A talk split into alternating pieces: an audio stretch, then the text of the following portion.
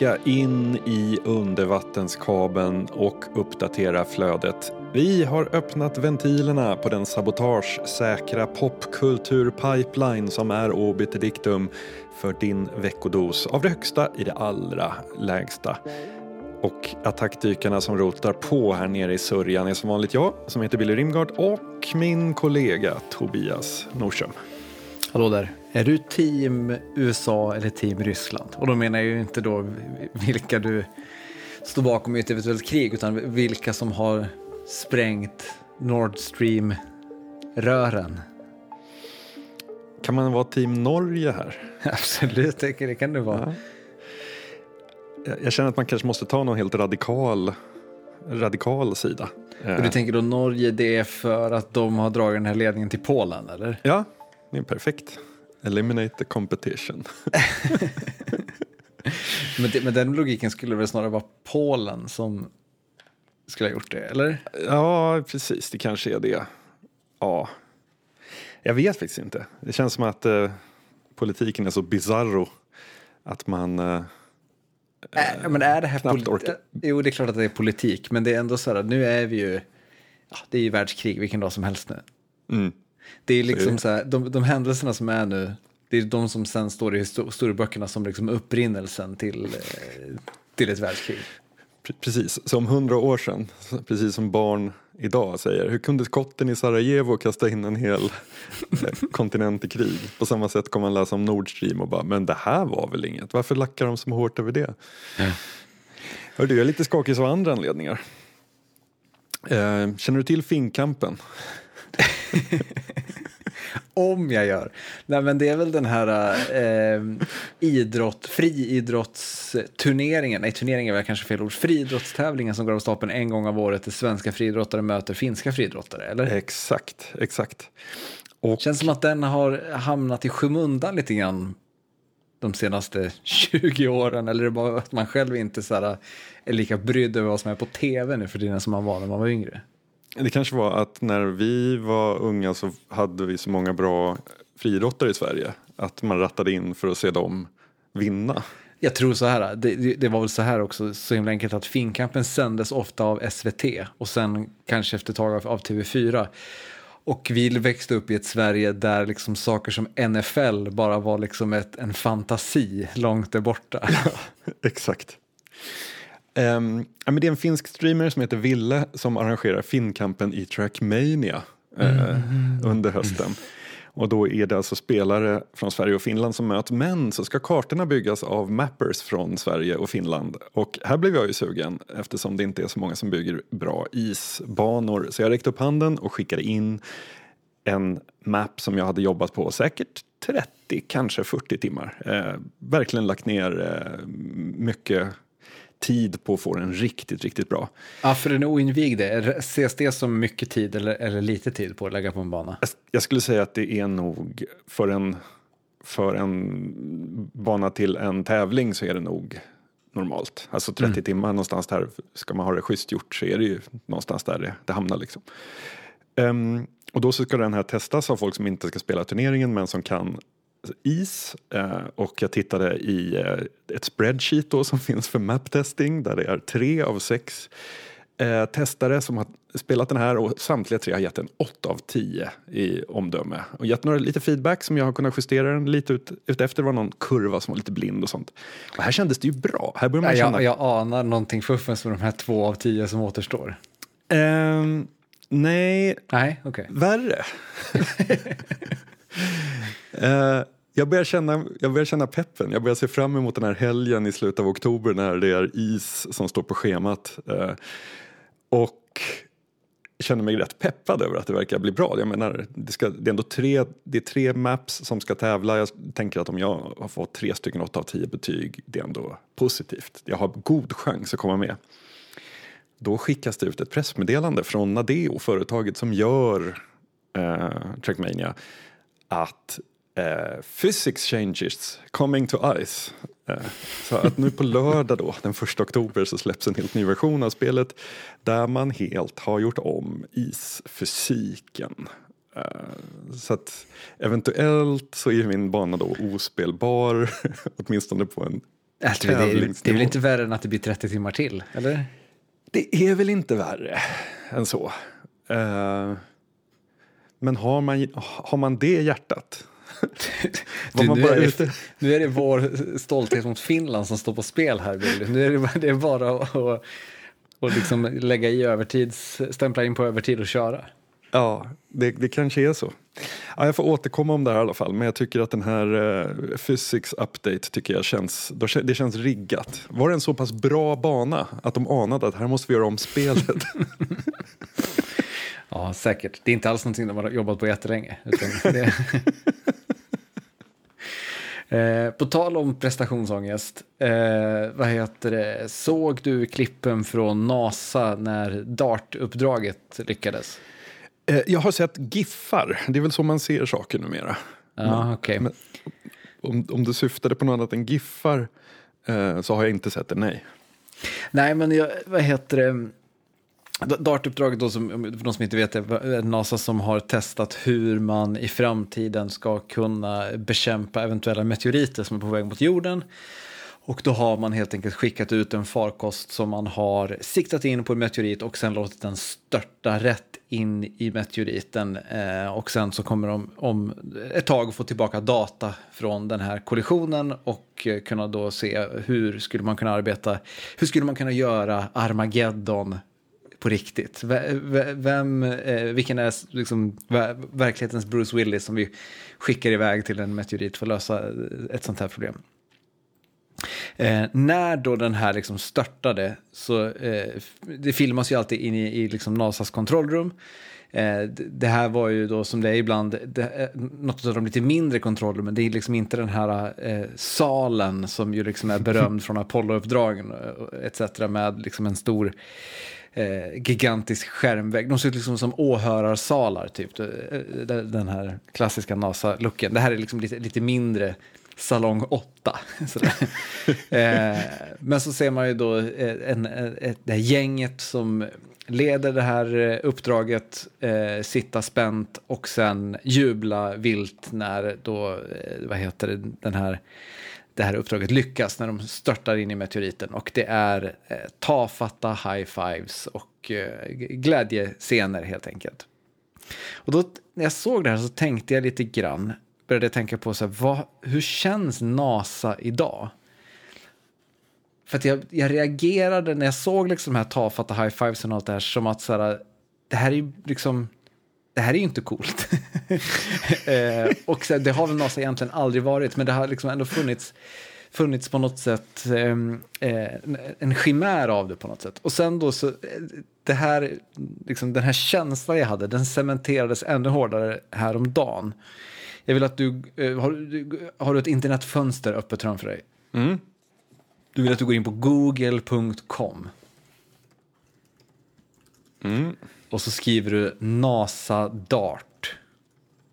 Mm. Och sen beskriver du vad som händer.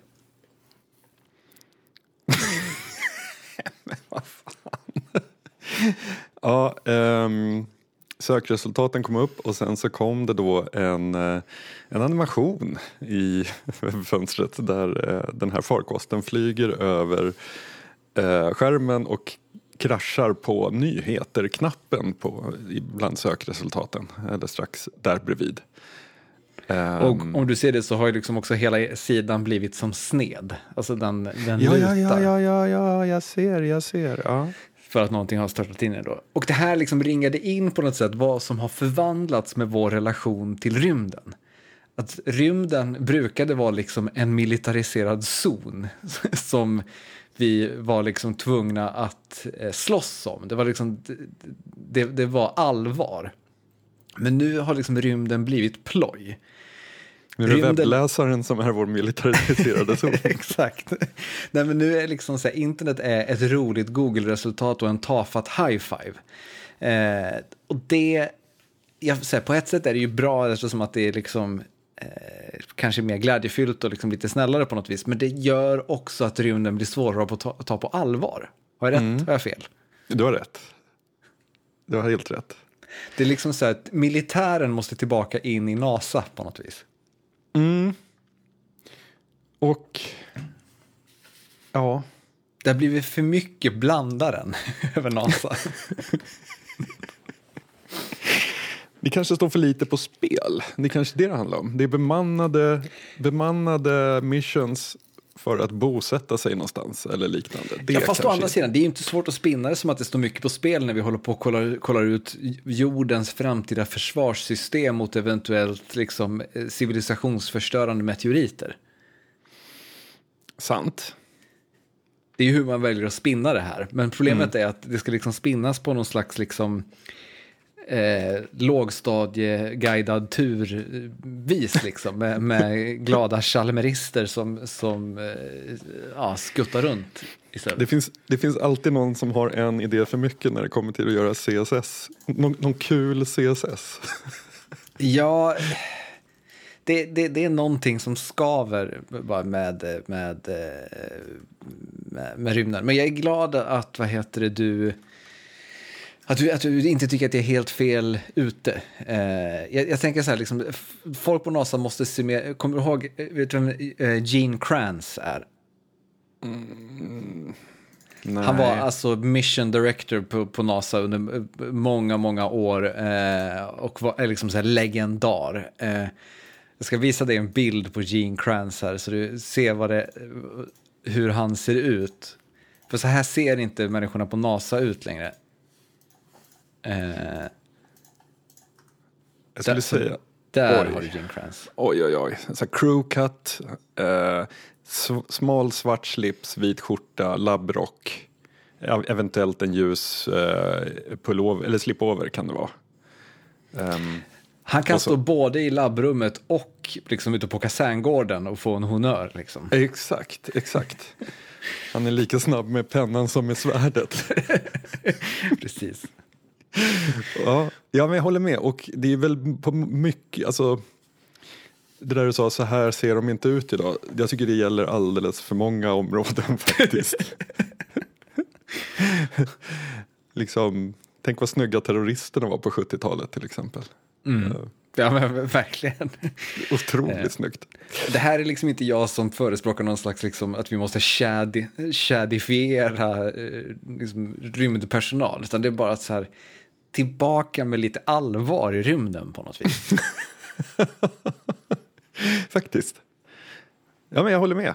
Ja, skönt. Allvaret, allvaret saknas i rymden. Um, allvaret har också saknats i de böcker jag har läst sen sist. Ja. Vi pratade ju om steampunk här eh, och jag insåg att jag inte hade läst någon så jag tänkte att jag måste nog eh, läsa detta. Klicka fram två stycken som jag läste helt kontextlöst utan att veta vad det var. Eh, först en som heter Lady of Devices av eh, Shelley Adina och sen en som heter The Forever Engine av Frank Chadwick. Eh, båda fick tre av fem av mig på Goodreads. Kanske mest för att jag inte ville sabba min algoritm. Eh, Hur, må, hur många under 3 av 5 har du satt på Goodreads? ingen. Är de under tre av fem så slutar jag ju läsa. Du måste ju då hjälpa algoritmen då att sätta lägre betyg på dem så algoritmen fattar, okej det här gick inte hem. Mm. Fast det här gick väl hem? Eller liksom så här. I superkorta synopsis är Lady of Devices, det är en coming of age story. Eh, en ung tjej i eh, senviktorianska London som drömmer om att bli vetenskapskvinna eh, men inte får eftersom hon är kvinna och ska hålla sig i hemmet så att hon ska mest giftas bort. Det är liksom övre, övre medelklass, eller adel kanske det heter. Eh, och The Forever Engine, en ehm, alternativt universumrökare där Nikola Tesla är någon slags superskurk som sitter i eh, de balkanska bergen och håller på med konstig time manipulation. Så det är mycket zeppelinarslag, svarta zeppelinare som eh, stävar genom dimman och, och skjuter sina railguns, typ. Två väldigt, väldigt olika berättelser. Eh, eh, och jag tror att jag dekodade steampunk efter att ha läst dessa två böcker. Låt höra. Jag tror att steampunk är den perfekta farkosten att använda när man vill berätta en historia eh, men vill göra det med mot en fond som inte kommer med några som helst eh, eh, värden för läsaren.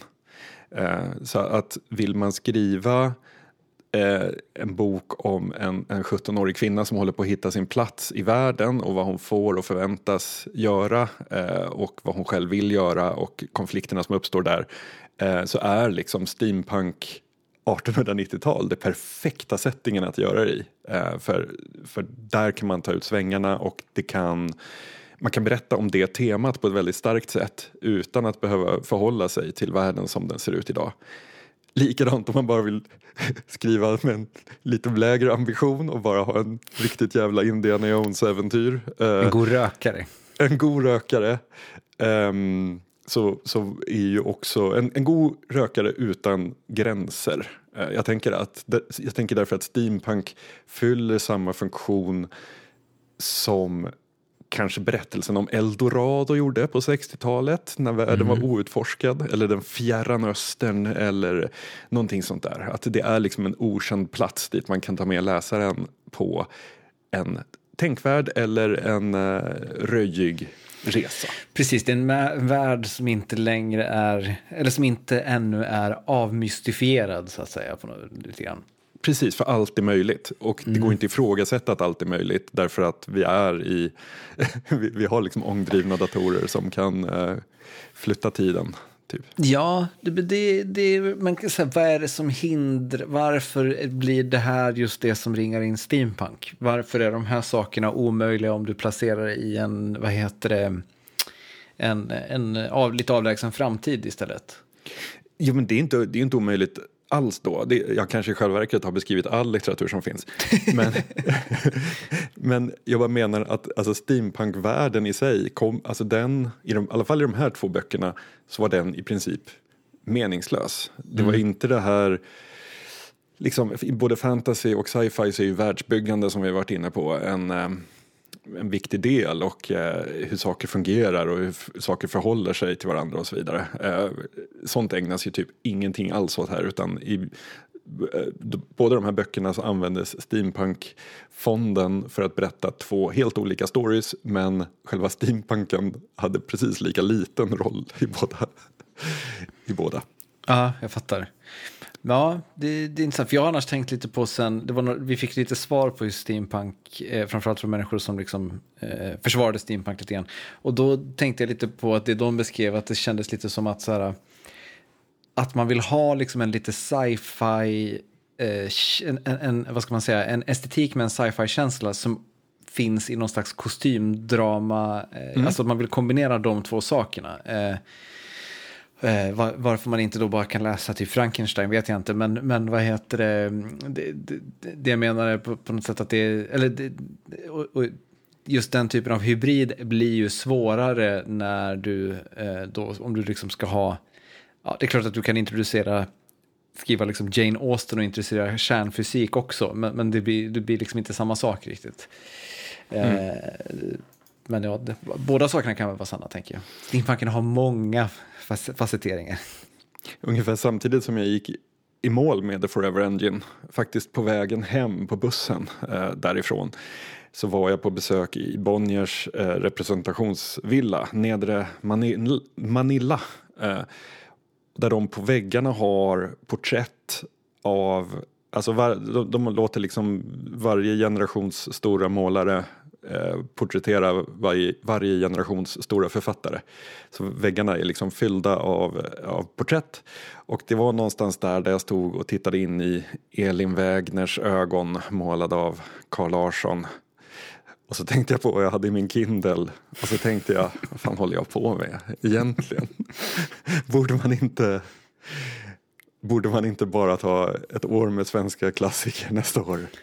Du, men intressant att du säger det, för jag har ju faktiskt inlett ett klassikerprojekt. Inte Oj. med svenska klassiker, eh, men...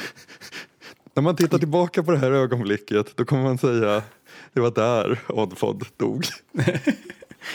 Eh, ja, men jag, tänkt, jag har tänkt att det inte ska uppta allt för mycket tid i podden, men nu kommer vi dit eh, ändå lite grann, om jag ska komma, komma till varför. Men jag har ett projekt där jag de kommande 12 månaderna ska läsa 12 klassiker. Eh, jag har läst, det här drog igång den första september, jag har betat av Madame Bovary och en bit in i Moby Dick. Och själva mm. grejen är bara så att jag har bara valt ut 12 klassiker som jag inte har läst, men som jag känner att jag borde ha, ha läst. Typ. Mm. Eh, och när jag har läst Moby Dick så har jag tänkt på en sak. Vi, det känns som att vi har en, en röd tråd de senaste åren i eh, Oddpod och har varit lite grann att vi inte är helt i synk med den populärkultur som eh, tar eh, det stora andrummet i kulturvärlden, eller vad man ska säga. Eh, vi har liksom Ja, men vi har, vi har infört liksom en slags eh, eh, blockad mot Disney och Marvel och Star Wars och allting sånt. Eh, vi, pratar, vi har mer eller mindre slutat prata om liksom, serietidningsskildringar överhuvudtaget. Eh, och eh, det, det, ja, men helt enkelt, det känns som att det som finns där ute kanske i första hand eh, inte är för oss, trots att det borde vara för oss. Eh, så, så har åtminstone jag känt. Eh, och när jag läste bara liksom första 20 sidorna i Moby Dick så är det någonting som slog mig också. att eh, Någonting som man saknar väldigt mycket i modern eh, populärkultur. Och det är liksom så här, den stora berättelsen. Mm. Eh, och det behöver liksom inte vara den stora berättelsen som i liksom en, ett, ett, en litterär klassiker eller ett, liksom ep, liksom ett, ett, eh, ett magnum opus. Så, utan den stora berättelsen i det här är liksom en, en berättelse som, eh, ja men så här, som har en stor ambition, som har ett stort omfång, som vill säga någonting om någonting. Jag tänker liksom att de undantagen vi har sett de senaste åren är liksom så här, eh, ja men Arrival till exempel. Eh, känns som att vi, vi båda tyckte väldigt mycket om. Det, det, det är liksom berättelser som så här, eh, ja, men vill någonting, som, som, som ringa, försöker ringa in någonting. Eh, och vi har snarare kanske fastnat i liksom så här tv-seriens tankesätt på något vis. Med karaktärer i, i all oändlighet, med liksom eh, berättelser som så här, eh, sticker iväg till höger och vänster men oftast liksom inte har något direkt som håller ihop det. Eh, det finns liksom inget ramverk, ingen ambition om att så här, det den här berättelsen handlar om är det här. Utan den här berättelsen handlar om de här karaktärerna som gör de här, de här sakerna. Um, så då, då, tänkte jag att man har saknat den, den stora berättelsen på något sätt. Um, och parallellt med det här då så håller jag på och läser om eh, en annan bok. Eller lyssnar på som ljudbok. eh, och det är The Peripheral av eh, William Gibson. Eh, har du läst den? Eh, nej. Den är ju eh, vad heter det, uh, vad ska man säga, den är, väl, den är ganska speciell. Den, den har ju ett, ett grepp som involverar tids, inte tidsresor, men hur olika eh, tidslinjer kan påverka varann eh, på olika sätt. Eh, den, jag, jag, håller på att lyssna om den därför att den, jag läste den när den kom, har glömt av ganska mycket och eh, har sett att den här ska komma som Amazon-serie. Och blev eh, ganska peppad. Och så kände jag så här typ, jag, när, i den här läsningen så slits jag mellan att jag lyssnar på The Peripheral och känner fan vad jag vill att det här ska vara en franchise som pågår länge där man kan göra så mycket intressant. Det är sån härlig estetik i den här världen. Det, det, alla de här greppen funkar så otroligt bra. Med, man kan göra så mycket intressant med det. Och att jag liksom inser att det är, där, det är det som är giftet på något sätt. kan du känna igen, eller förstår du vad jag, vad jag slits mellan på något vis? Ja, verkligen.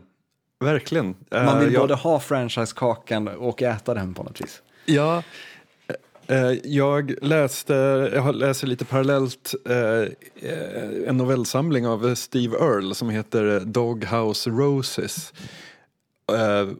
hittad här i mitt återvinningsrum i, i fastigheten.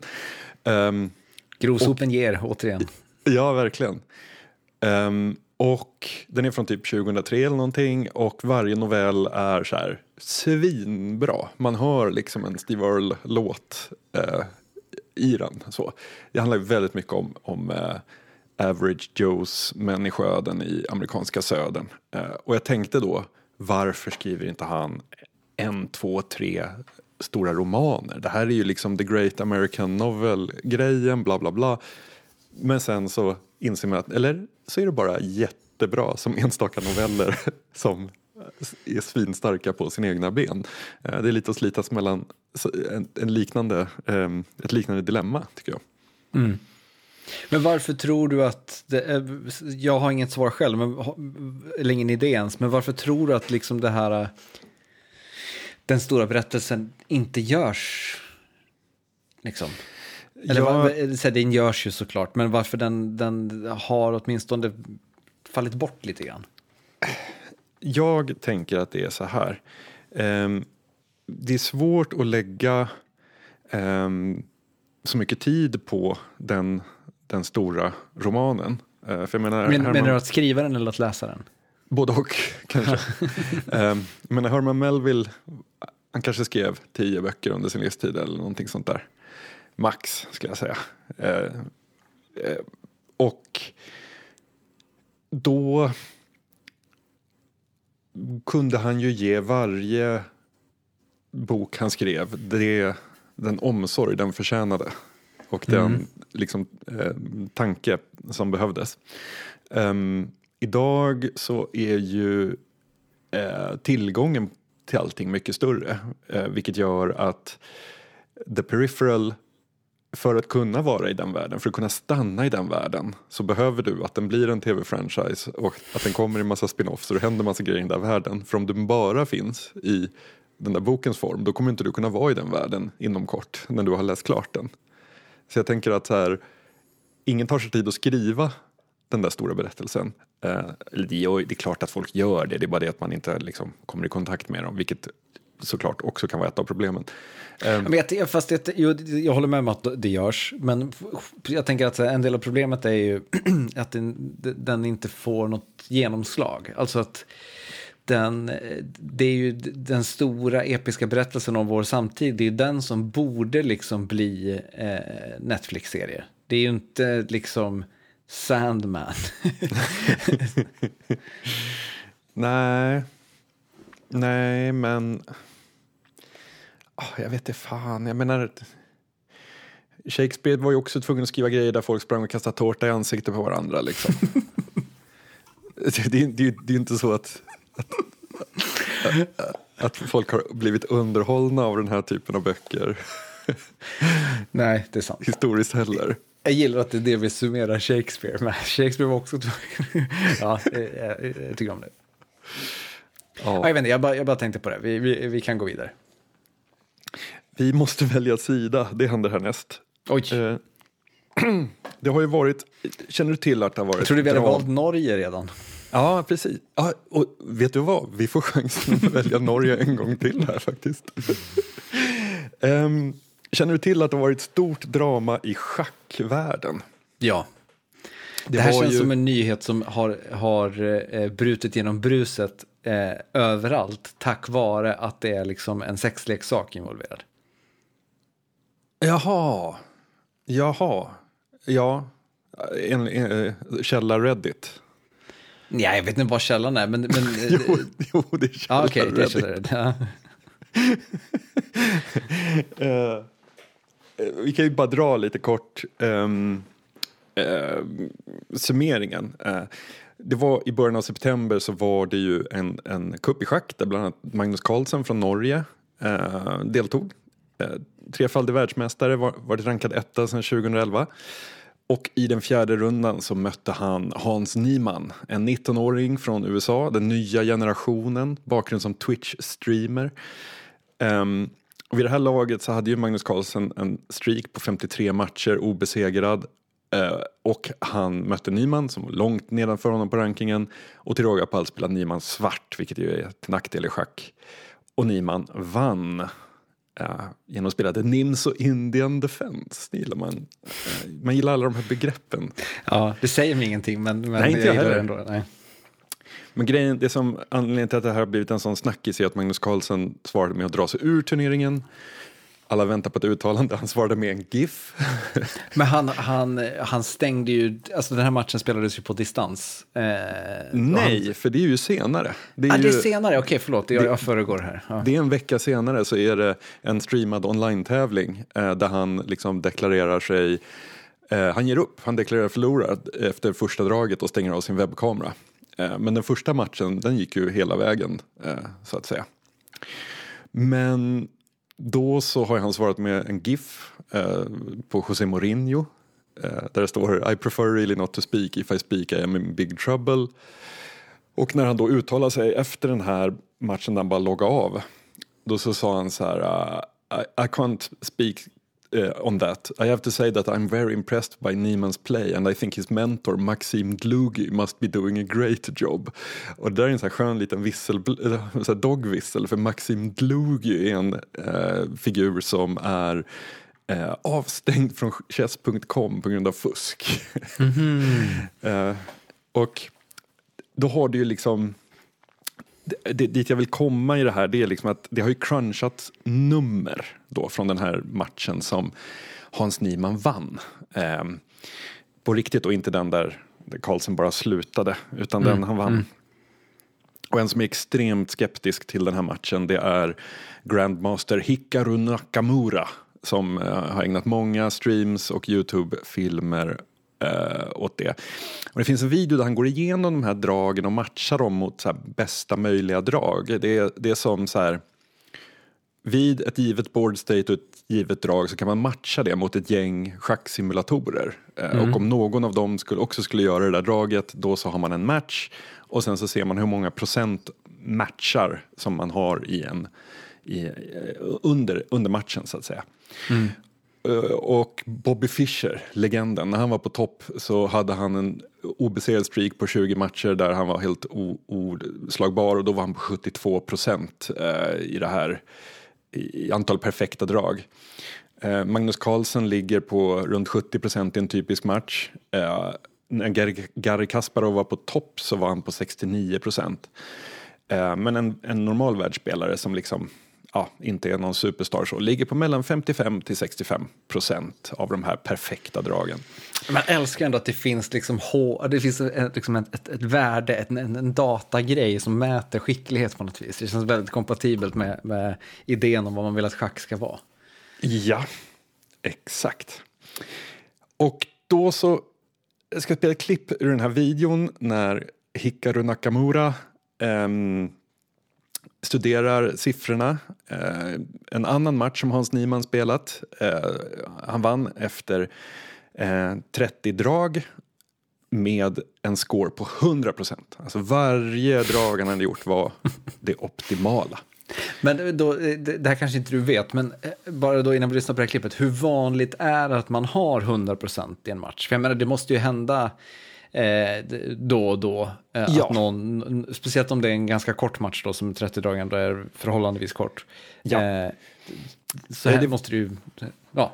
Ja, det var en före detta så high elo spelare som twittrade att han under karriären hade haft en 100, 000, eller 100, 000, 100 i match, en 97% i match och en handfull runt 85% Det var liksom hans track record. Mm.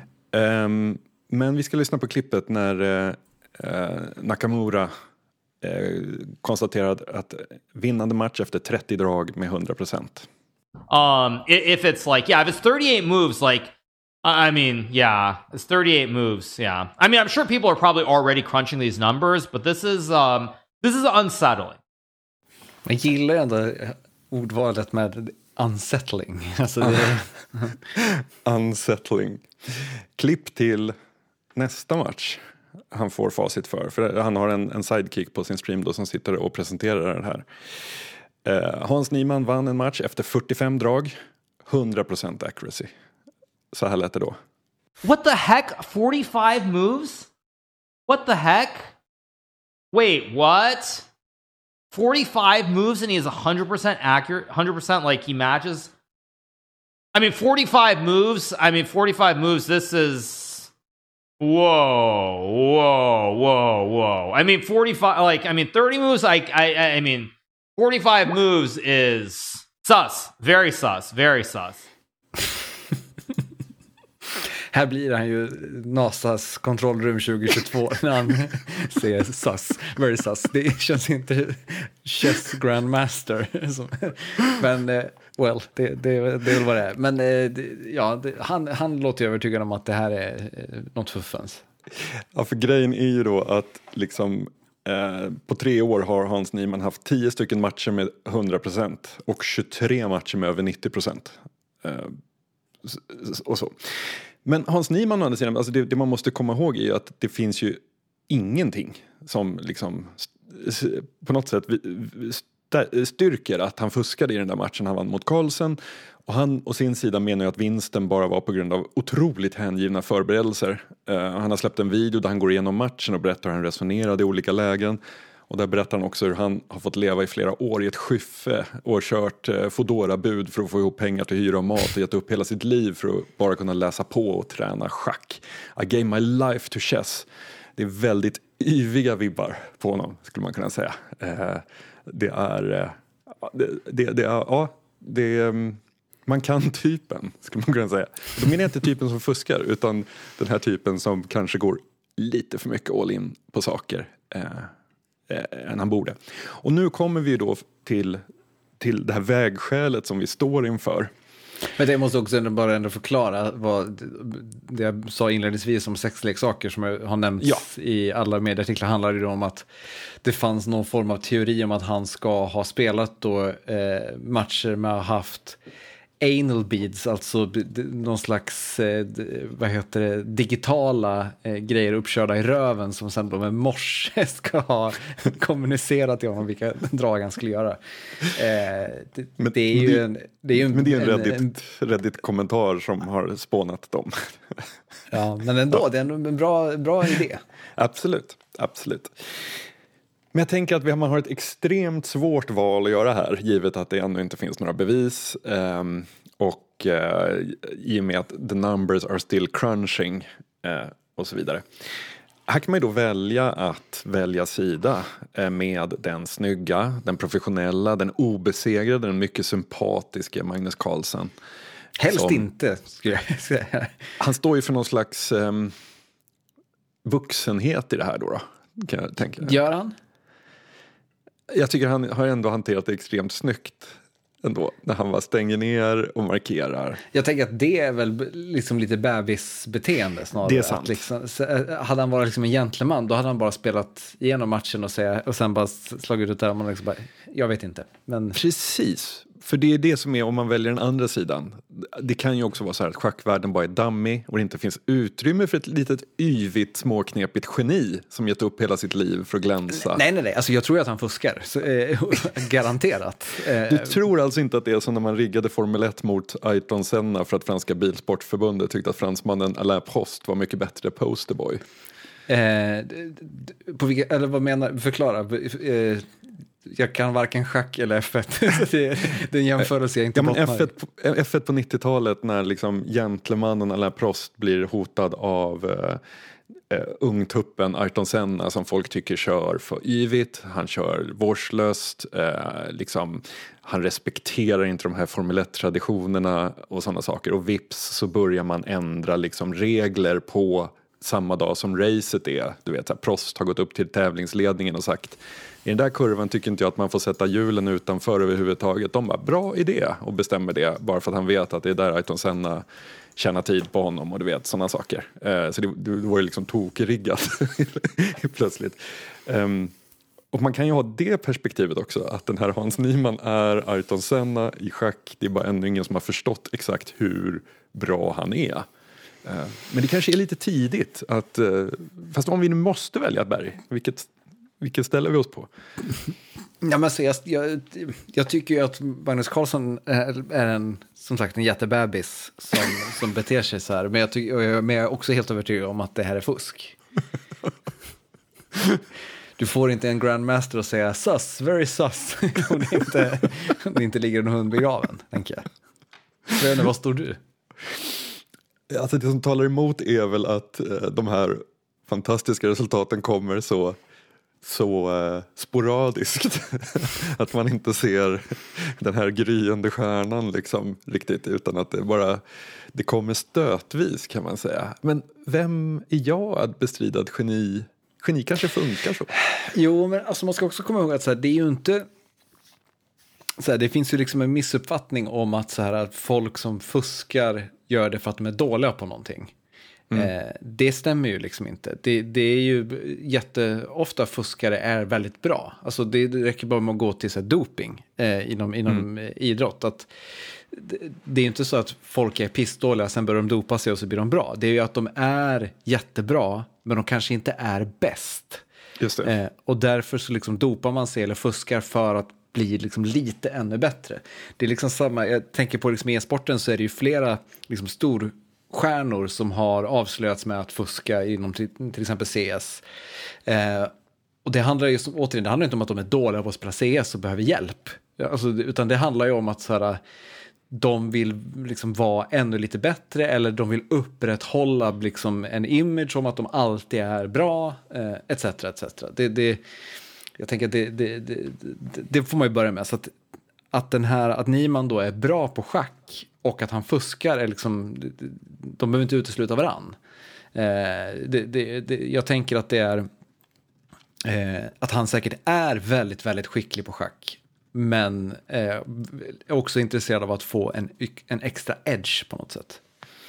Det finns en uh, Youtube-kanal, uh, en snubbe som heter Carl Jobst som lägger upp videos. Han fokuserar på speedrunning och olika stories från speedrunning-communityt.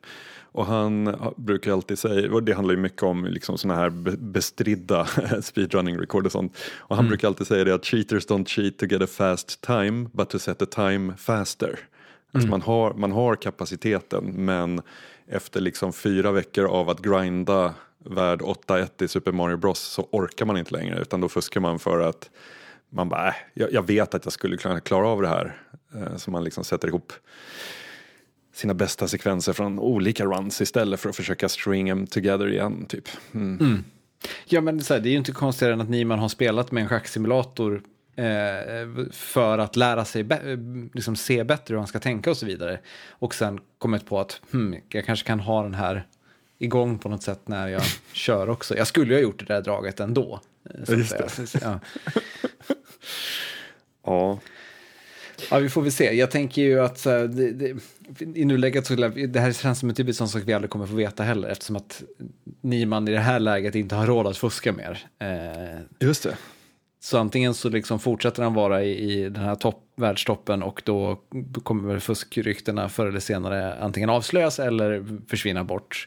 Eh, eller så liksom kommer han bara försvinna ut i, i periferin nu när han får stänga av sina schackbots. yes.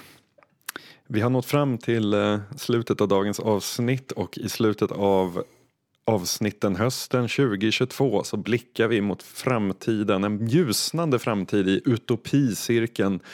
Eh, vi läser en novellsamling som heter Hieroglyphs Eh, och till den här veckan så är det en novell som heter The Man Who Sold the Moon av eh, Cory Doctorow. Eh, skulle vilja säga att det här är den första av de vi har läst som är extremt märkt av tiden då den här boken gavs ut, nämligen 2014 och åren dessförinnan. Verkligen. Eh, alltså hela Cory Doctorow känns som en, en, jag googlade honom lite grann för att namnet lät lite bekant och mycket riktigt så har han varit under många, många år medarbetare på Boing Boing. Eh, som är en blogg värd att följa om man inte gör det. Eh, och han känns otroligt mycket som, som du är inne på, som en, en, en ett barn av en väldigt specifik tid. Kan man, vad ska man, hur kan man beskriva den här eran?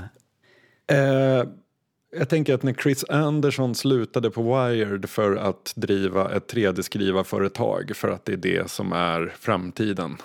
Liksom. Det var liksom tiden när alla hade bredband och vi fortfarande trodde lite på internet på något sätt. Alltså man, man krigade för piracy, man diskuterade upphovsrätt, man slogs mot FRA, nya FRA-lagar. Eh, liksom tiden innan eh, prenumerationstjänsten hade tagit över internet på något sätt. Precis, Emanuel Karlsten live twittrade nyhetshändelser. Teorier som the long tail var på alla släppar. Ja, tänk. Vi hittade Eh. ju The Long Tail nere i grovsoporna när, vi, när vi livestreamade. Det tyckte jag var väldigt roligt. Det går inte att få en bättre illustration på, på, eh, på någonting. Ehm, men det, Nej, jag skulle jag- säga så här, att utopimässigt, eh, vi kan ta superkort handlingen, eh, det, det handlar om eh, en huvud, eh, framförallt en person som eh, blir kompis med en annan person som har utvecklat en 3D-skrivare som drivs av solen eh, och eh, kan eh, äta upp eh, stoff och spotta ut byggstenar typ. Byggstenar som man kan bygga små hyddor med i princip. Japp. Eh, Och såklart och- så använder man ju det här när man ska åka till Burning Man och Ja, bygger en iglo. Här började det krypa lite i skinnet på mig när, man, när den... ja, det är väldigt så, det är väldigt så liksom så här, det här är liksom ti, en tid då man fortfarande trodde på startups märker man på något vis. Alltså att startups kommer rädda eh, oss. Eh, och sen då så får den ena personen av de här två som, som håller på med den här b- 3D-skrivaren cancer eh, och de eh, bestämmer sig för att de ska skicka den här 3D-skrivaren till månen.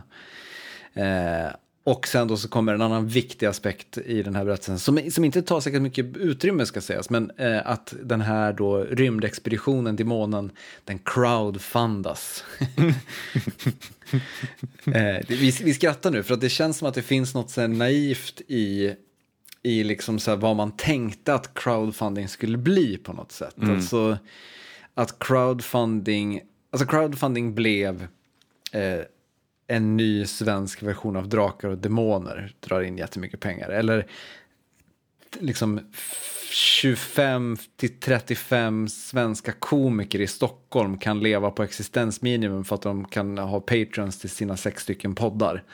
Det, det var det crowdfunding blev. Eh, Det blev liksom inte det här eh, rymdexpeditioner och bygga en, ett matföretag som förändrar världen. Det, det, det, det hände aldrig. Eh, Nej. och kommer nog inte hända heller. Eh, men, men det är väl, det är väl lite, lite naivt, vad man ska säga. Och man får inte glömma en annan aspekt av det här också. Det är ju, vi har varit inne, det är 3D-skrivare, det är crowdfunding och sen har ju huvudpersonen, han har ju sålt sin startup och ägnar ungefär all sin tid på ett makerspace i Brooklyn. Ehm, och just den där, alltså absolut inget emot makerspaces, det är väl asnice. Men det är också Är det? vi, vi har också haft syjuntor liksom för evigt. Men jag kommer ihåg den här övertron på vad en makerspace, vad det skulle kunna bli. Eh, så här att det är en... Eh, alltså bara för att det var teknologi inblandat så skulle det på något sätt då vara...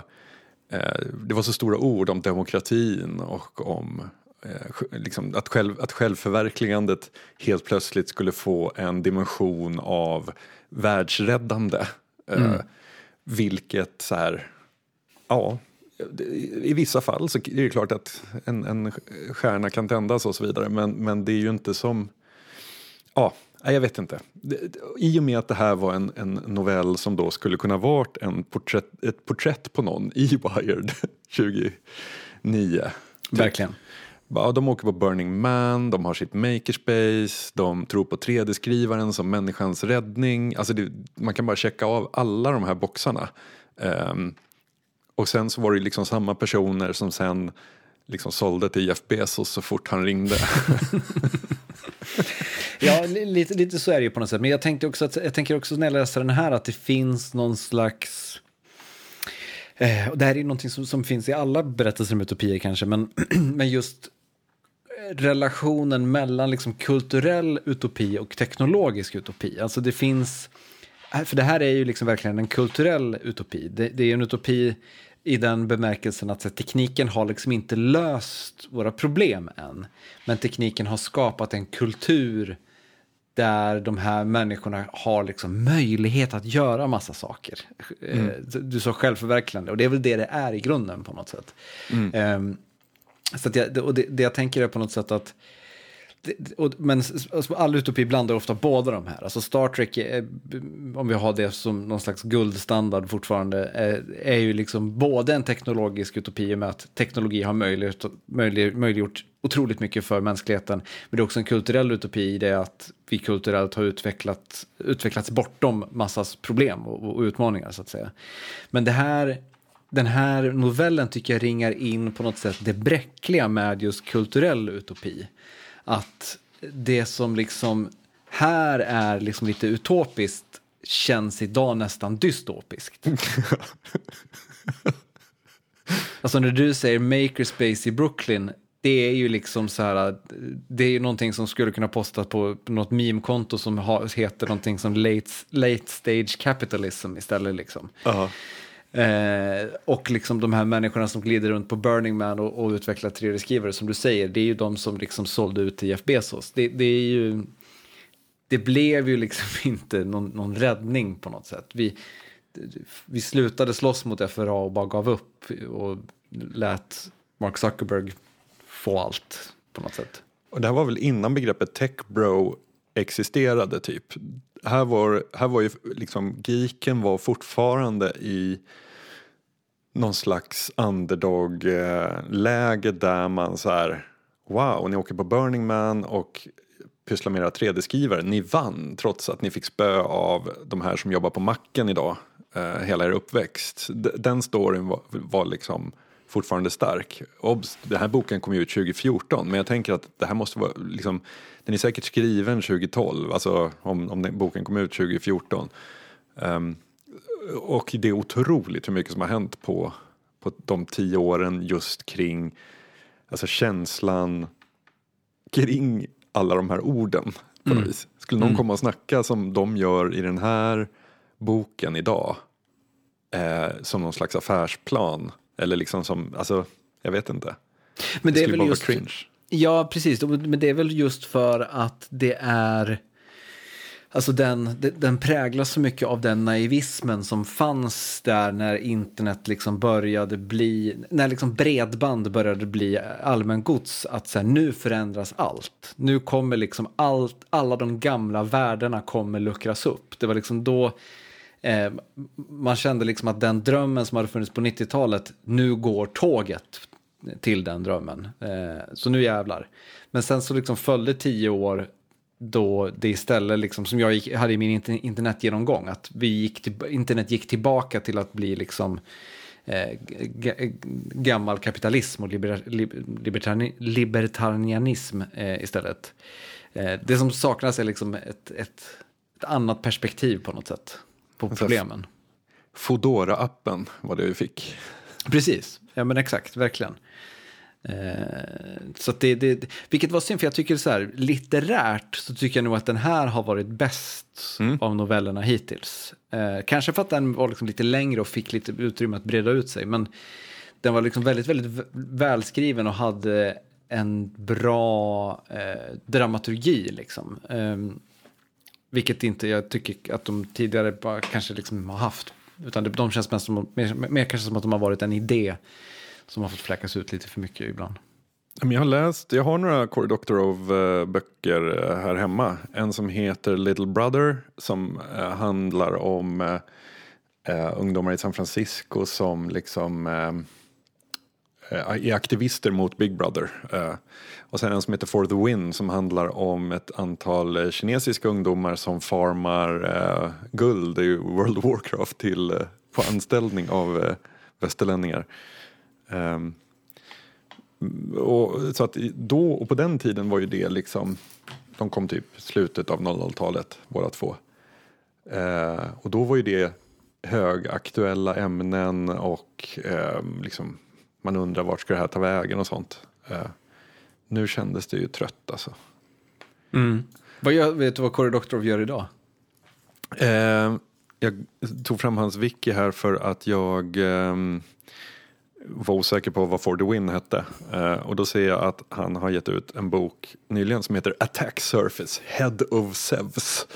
eh, så han kanske har gått över, han kanske också har släppt det där och börjat skrivit grekisk eh, inspirerad eh, sci-fi. Nej, jag vet inte vad han gör. Ja, nej. Det, det, jag blir liksom lite nyfiken på vad som hände med alla de där Wired-profeterna. Eh, Mm. Nu när de fick fel allihop på något sätt. Nej, men jag tänker att så här. ehm, det här var den. ehm, precis, profeterna och eh, evangelisterna, futurist, inte futuristerna utan snarare de som, som sjöng teknologiutvecklingens lov någonstans. Eh, Ja, och liksom tron på något sätt på att den teknologiska utvecklingen som låg för dörren skulle liksom lösa de kapitalistiska problemen. Alltså att nu skulle vi komma in i en ny era där folk delade med sig, där vi liksom inte hade de problemen som, som kapitalism hade under 1900-talet med liksom att, att folk roffade åt sig. Nu skulle det finnas liksom möjligheter för alla att göra de här sakerna som de tyckte var häftiga på något sätt. Eh, det- men så blev det liksom inte. Jag kommer ihåg, kommer ihåg när eh, det var ett så här, eh, projekt från någon i The Pirate Bay, det hette Flatter. Det låter jättebekant, vad var det? Då så, på sin blogg så hade man en liten grön knapp. Eh, så att om jag läste ett blogginlägg på din blogg och tyckte om det kunde jag bara klicka på flatter. Eh, och i slutet av varje månad så räknades alla mina sådana där klick på alla olika ställen jag varit ihop och så betalades pengar ut till dem. Eh, och då så var ju utgångsläget att man betalade så mycket man hade möjlighet till. Så om jag satte in om, jag, om, om det drogs 300 kronor varje månad från mitt lönekonto eh, så fördelades de 300 på alla mina klick då. Eh, så. så det var en slags mikrotransaktioner för, för eh, enskilt content. Eh, jättefin tanke, men också så här dömd och misslyckas eftersom ingen vill, så här, ingen vill betala fem spänn för att läsa en tidningsartikel. Ingen vill eh, klicka på flatter eh, utan man, man vill vara en, en, ett man vill ha ett abonnemang. Liksom. Eller det är ingen som vill ha abonnemang heller men det är det, de är de enda som funkar så att det är liksom total Ja, men det, det hotet om abonnemang är det enda som, som fungerar på något sätt. Men eh, jag- jag- bara så här, en eh, kort, jättekort. är, det, är det så vi får fler patreons som börjar hota med Exakt. att snart blir vi en abonnemangstjänst? Snart, snart kommer bet- betalväggen och åker upp. Eh, Podd extra. eh, nej då, ni kan vara lugna. Men vad heter det, en sak som Eller? jag minns... en sak som jag minns från den här eran som är ett annat illustrativt exempel, sen kan vi gå vidare. Eh, eh, Nine Inch Nails ger bort sin skiva gratis på Oink. Så här, vad heter det? Det känns som ett väldigt tydligt tidsdokument på något sätt. Fan, jag har en bok jag tycker vi borde läsa. Eh, den heter The Pirate's Dilemma. Ehm, den kom ut där i, i krokarna. Eh, och den handlar väldigt mycket om mashup-kultur och liksom copyright-fri kultur i ett väldigt bred bemärkelse. Den handlar om allt ifrån liksom piratradiostationer i London till Um, fildelning till liksom, eh, ja, men just, eh, just mashup-kultur. Att om jag tar Musse Pigg och ritar om den till ett eget konstverk, så här, varför kan jag inte göra det och så vidare. Eh, men det var inte en brandskrift mot copyright utan det var liksom en hyllning till hur fantastiskt det är när alla skiter i copyright. Eh, jag kommer ihåg att jag blev så otroligt uppfylld av det. eh, För att det var bra reportage, intressanta takes på det där. Eh, Men också dealade med problemen som det kommer med och de, inte de monetära eller rättighetsfrågor utan liksom just när piraten blir ehm, så att säga när Banksy blir eh, så känd eh, kan Banksy vara Banksy och så vidare. M- Men den måste ha kommit typ 2007 eller någonting sånt där. Det vore otroligt kul att läsa om den idag eh, med tanke på, jag kommer ihåg hur inspirerande den var då. Om man skulle se den med samma uppgivna dystopiska tankar. Du, som- du, vet du vad vi borde sikta på någon gång i hösten? Det känns som ytterligare en av 2000 bra idéer vi har sjösatt i den här podden som aldrig har blivit av. Men vi borde ha en läsecirkel med den boken och typ Rasmus Fleischer. Alltså någon som, är, som var en del av det där men också är tillräckligt intelligent för att ha förstått att det misslyckades. Alltså jag tänker, man skulle också kunna ha vet, en piratpartist, men de, att de kanske klamrar sig fast vid det här fortfarande, att så här, Pirate Bay kommer att vinna på något sätt. ja. Eh, men utopicirkeln, ingen utopi den här veckan kanske, men vi, vi, vi rullar vidare i jakten på svaret på eh, hur framtiden borde vara. Till eh, nästa eh, podd så läser vi eh, novellen Johnny Apple Drone vs. the FAA av Lee Constantino. Mm. Eh, en tongue twister. Men eh, det, blir spännande att se vad, vad, det handlar om. Det känns som om man... Det låter som ett rättsfall, men eh, vad heter det? Vi får se vad, var i de utopiska idéerna ligger här. Och vill man crowdfunda vårt projekt att ta den här podden till månen så kan man gå in på patreon.com snedstreck oddpod. Vi är jättetacksamma till, till er som gör det. Så eh, det, det, vad heter det. Även ifall vi raljerar om crowdfunding så är det någonting som gör den här podden möjlig. Eh, men det känns också som att vi ligger på vad ska man säga, några tusen under vad som hade varit optimalt. Hade vi haft några tusen till, då hade jag känt så här, nej, vi borde inte prata om Patreon. Alltså förstår du vad jag menar? Att man vill inte vara liksom den som drar in 200 lax i månaden på, på sin Patreon och ändå sitter och bara bla bla bla bla bla, support my Patreon. 200 lax har vi en bit kvar till. Jo, jo, absolut, men du förstår vad jag menar. Alltså, om det är det som är gränsen för att vi ska sluta prata om det, då kommer vi få... nej, nej, nej, den, den går, som sagt, den går om, om, om, några tusen lappar bara. Men det är också ett litet ett hot om ett abonnemang. Så här, betala så kommer vi vara tysta. Det, ja. det är liksom sån uh, in-app purchase för att släcka annonserna i spelen som barnen spelar. Fast här kan liksom bara, eh, tillsammans kan vi släcka annonserna för alla. Det, det gillar jag, att Just vi är in this together på något sätt. Just det, särskilt eftersom annonsen är en timme in varje gång. Och, och lagom till vi säger att nu är vi klara för idag så alla har redan stängt av ändå.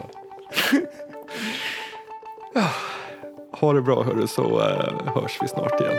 Ha det fint.